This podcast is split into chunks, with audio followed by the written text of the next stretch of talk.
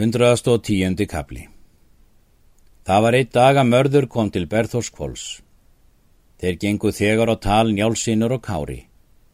Mörður rægir höskuld af vanda sínum og hefur nú enn margar nýjar sögur og eggjar einart skarpiðin og þá að drepa höskuld og hvað hann myndi verða skjótar að bragði ef þeir færu eigi þegar að honum.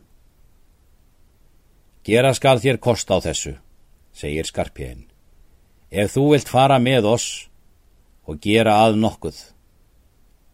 Það vil ég tilvinna, segir mörður, og bundi þeir það með fastmælum og skildi hann þar komum kveldið.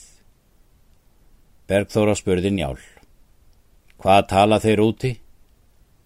Ekki er ég í ráðagerð með þeim, segir njál. Sjaldan var ég þá frákvattur, er hinn góðu voru ráðinn.